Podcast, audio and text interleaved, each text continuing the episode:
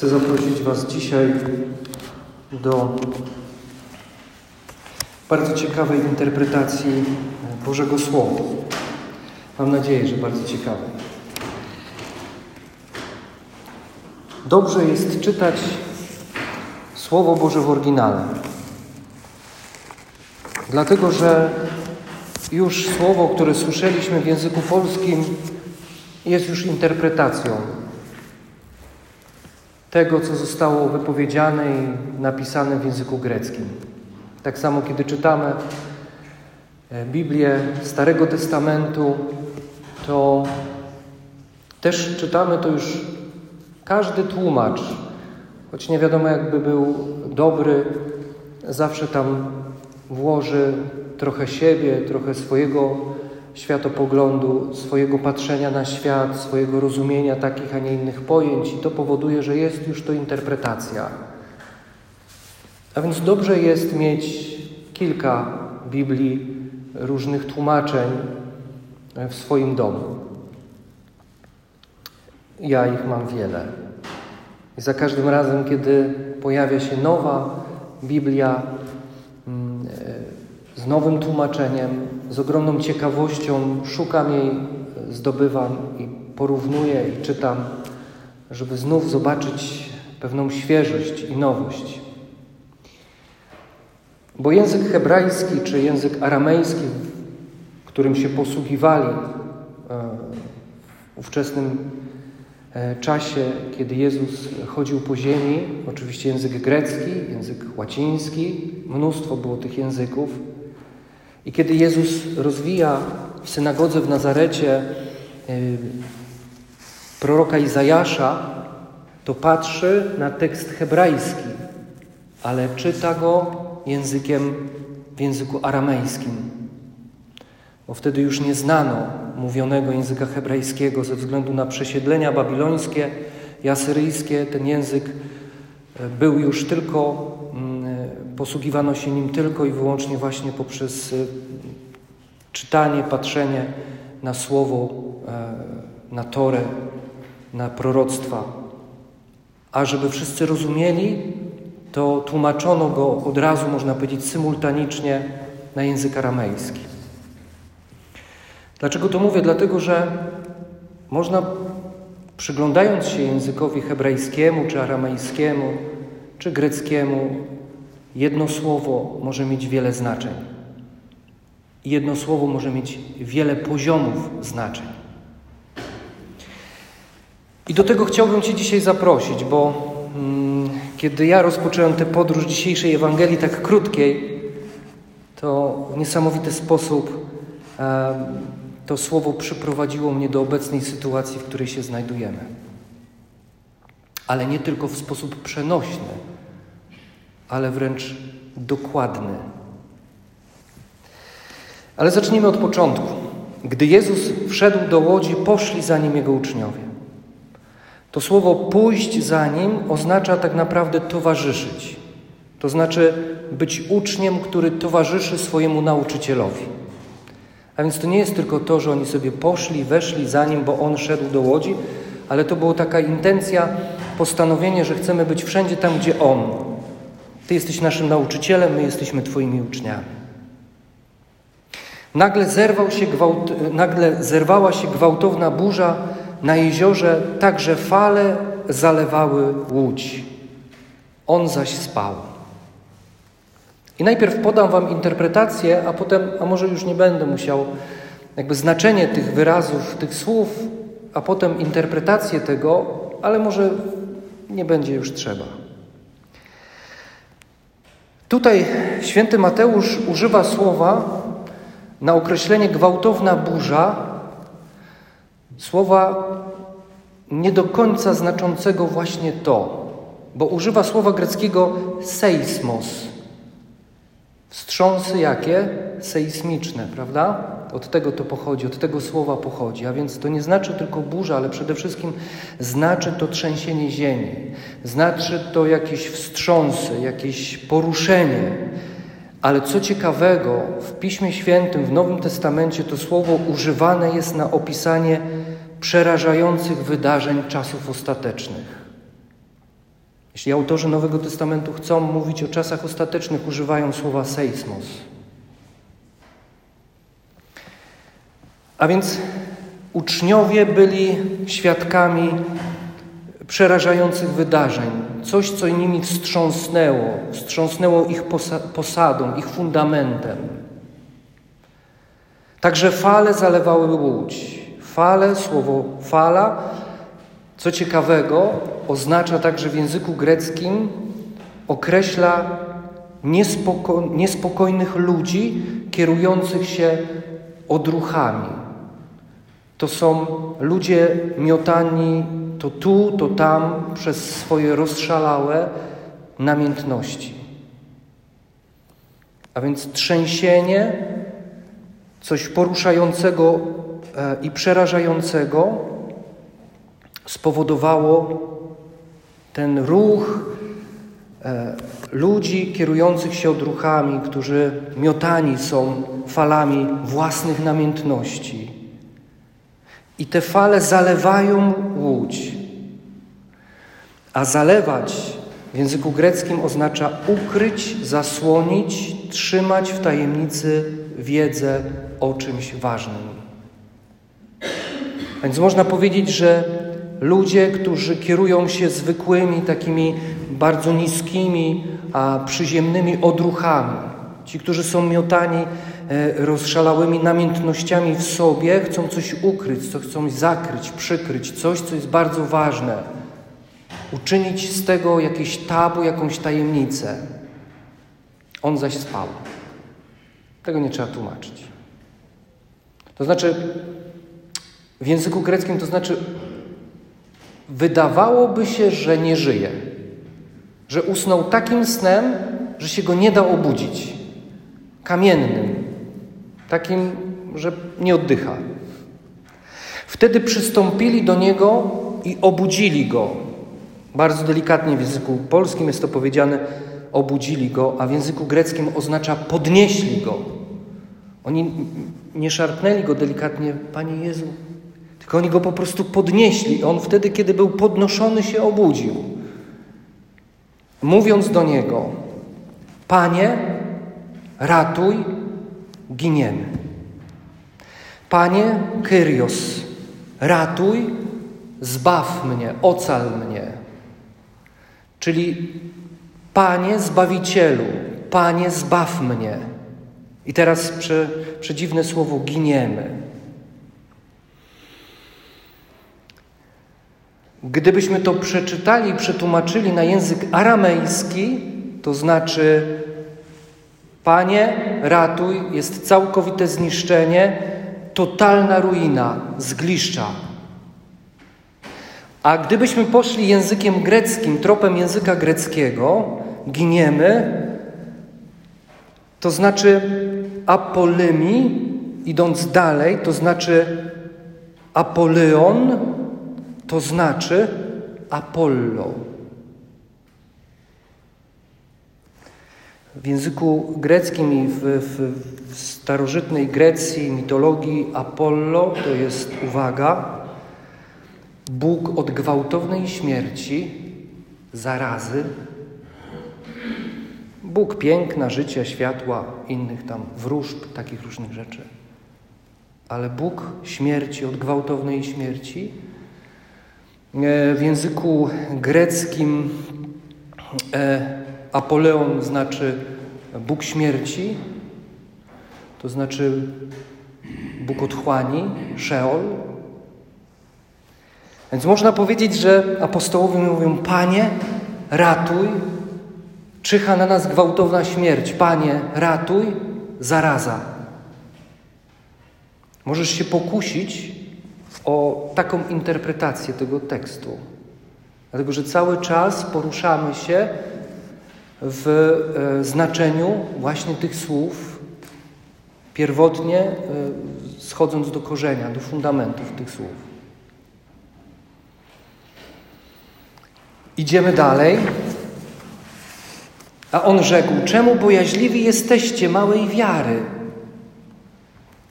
Czemu jesteście bojaźliwi? Czemu ogarnęła was panika? Czemu ogarnął was lęk? Jesteście małej wiary. I tutaj Mateusz widzi wiarę wśród swoich. Marek jasno powie, bardzo ostrzej niż Mateusz. Ale co to znaczy, że jest wiara i ta wiara zakłada nawrócenie, a więc są to nawróceni uczniowie, mający jakąś wiarę, lecz jest ona zbyt słaba lub sparaliżowana, by móc działać. Panie, ratuj, zakłada wiarę, giniemy, ukazuje ich małą wiarę. Panie, to co, Panie, ratuj, mamy wiarę w Ciebie, ale ta totalna ruina, to, to co widzimy, to co nas otacza, to co nas dotyka, przekracza naszą wiarę. A więc jest wiara, ale w obliczu trudnych okoliczności i niebezpieczeństw nie okazali apostołowie odwagi. Pomimo tego, że Chrystus był z nimi.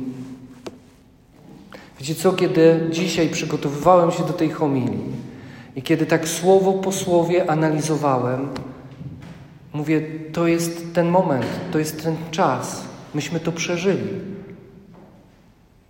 I teraz jest czas refleksji. Jezus mówi: Bojaźliwi jesteście. Czemu jesteście bojaźliwi? Ile mam Wam jeszcze mówić, że nawet kiedy śpię, jestem cały czas Panem i Zbawicielem? Nie bój się tego, co cię, to, co cię otacza. Nie bój się okoliczności, które Cię dotykają. Ja jestem, który jestem. Jam zwyciężył świat. Wiecie, my te rzeczy, to tak jak powiedziała Maryja, tak jak powiedziała Maryja do e, jednej e, mistyczny, mistyczki, stygmatyczki, chyba z Libii czy Syrii. Wy wszystko wiecie, ale nic nie rozumiecie. I to mnie dzisiaj też dotknęło. No, my wszystko wiemy. Czytamy tę Ewangelię, mówimy tak, tak, jasne. My wszystko wiemy,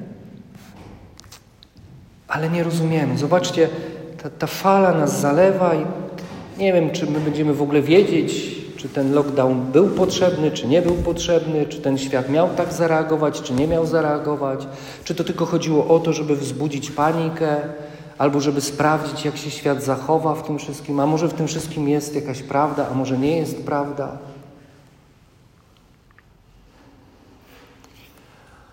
Jedno jest pewne, że w momencie, kiedy nastąpił ten lockdown e, i zostało wszystko zamknięte, na dwa, trzy tygodnie zostały zamknięte wszystkie kliniki aborcyjne. Wiecie, że w tym momencie, kiedy jesteśmy, już 20 milionów aborcji popełniono na świecie. 20 milionów. Bo można normalnie w internecie zobaczyć i patrzeć, jak te liczby idą cały czas. I ja tak patrząc na to, na te pierwsze, y, pierwsze, y, pierwsze doniesienia, że to dotyka ludzi starszych, ludzi z towarzyszącymi chorobami, mówię, Panie, najstarsi najsłabsi bronią niewinnych. Bo przez to, co się wydarzyło na samym początku, to wszystko musiało stanąć. I chociaż przez te trzy tygodnie, ile ci, którzy odeszli, ilu uratowało te istnienia niewinne, które nie mogą się same bronić. To jest jedna rzecz. A druga rzecz, no to jakby pokazuje e, moją małą wiarę, bo nie wiem, jaka jest wasza, ale ale ta cała sytuacja, to wszystko, co się działo, ten początek, e, oczywiście każdy, każdemu z nas towarzyszył lęk, trudne rzeczy, myślenie o tym, czy to już jest koniec, czy nie. A wiecie, to jest tak jak, ja tego nie wiem, ja to czytałem, że kiedy jest się w ciąży, w stanie błogosławionym, to dużo, dużo wcześniej są takie bóle przedporodowe. I one mogą być ile? Miesiąc przed? Nie wiem. Ile? Tydzień? Co?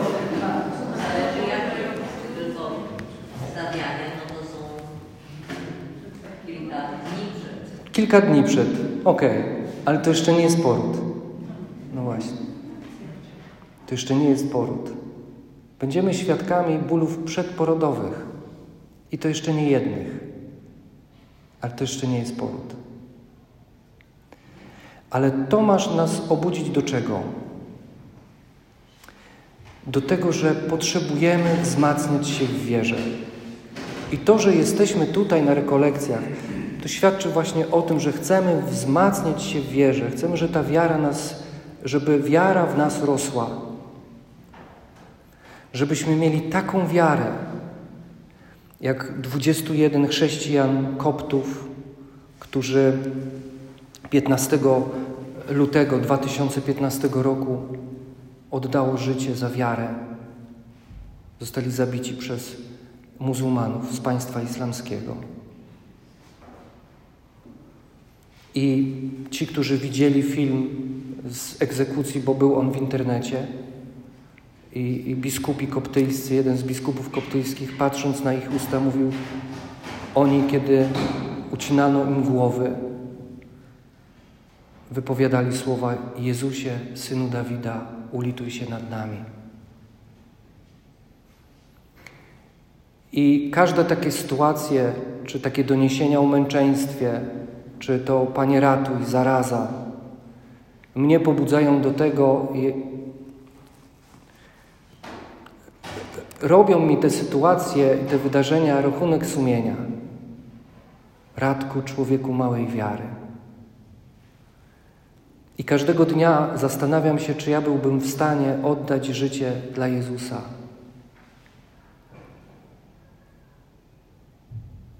Czy ja bym był w stanie oddać za Niego życie? I wiecie, to, co wzburza e, fundamentami naszej łodzi życia, to, co porusza, to, co trzęsie nami, to może być po prostu nauka, sprawdzian. Życie nas sprawdza, mówi sprawdzam, czy jesteś odważny, czy jesteś pokorny, czy jesteś pełen wiary. Jezus śpi. Jezus mówi: Ja jestem. Ja nigdzie się nie wybieram. Ja jestem z Tobą. I czy my te egzaminy e, zdajemy? Wiecie, to jest tak jak, to jest tak jak na maturze. Musimy zdać ten egzamin. Musimy zdać egzamin z życia. I to jest oczywiste, że przyjdzie diabeł i będzie nam podsuwał ściągi. I będziesz miał pokusę, czy ściągnąć, czy nie ściągnąć. I to jest oczywiste, to nie jest kara. To nie, nie, nie patrzmy na to w tych kategoriach, że burza, trzęsienie, to co dzieje się w naszym życiu trudne, że to jest kara. Patrz na to jak na maturę. Masz różnego rodzaju ściągi wokół siebie, z których możesz skorzystać. Obyśmy ten ostateczny egzamin matury z życia zdali na piątkę. Znaczy wiecie, Jezus już zdał ten egzamin za mnie i za ciebie. Trzeba się tylko powołać na tego, że znam tego egzaminatora. Ja go znam. On przyniesie mi moje świadectwo. Wyznagajmy wiarę w Jezusa. Patrzmy na Słowo Boże w taki sposób. Nie wiem, czy to mnie to fascynuje, mnie to zainteresuje, mnie to jak, jak zacząłem, wiecie, to tak jak, jakbyś układał puzzle i na samym początku układasz te puzzle i, i masz jakiś taki bałagan w tych puzzlach, ale kiedy patrzysz na to Słowo, jakby Jezus wiedział, że takie rzeczy będą się działy. I dlatego takie, tak przygotował to Słowo dla nas, żebyśmy znaleźli w tym otuchę i nadzieję. Ale żebyśmy też szczerze spojrzeli na siebie i powiedzieli: Panie, przymnóż mi wiarę. Mam wiarę, żeby się nawrócić. I robię to przez całe życie.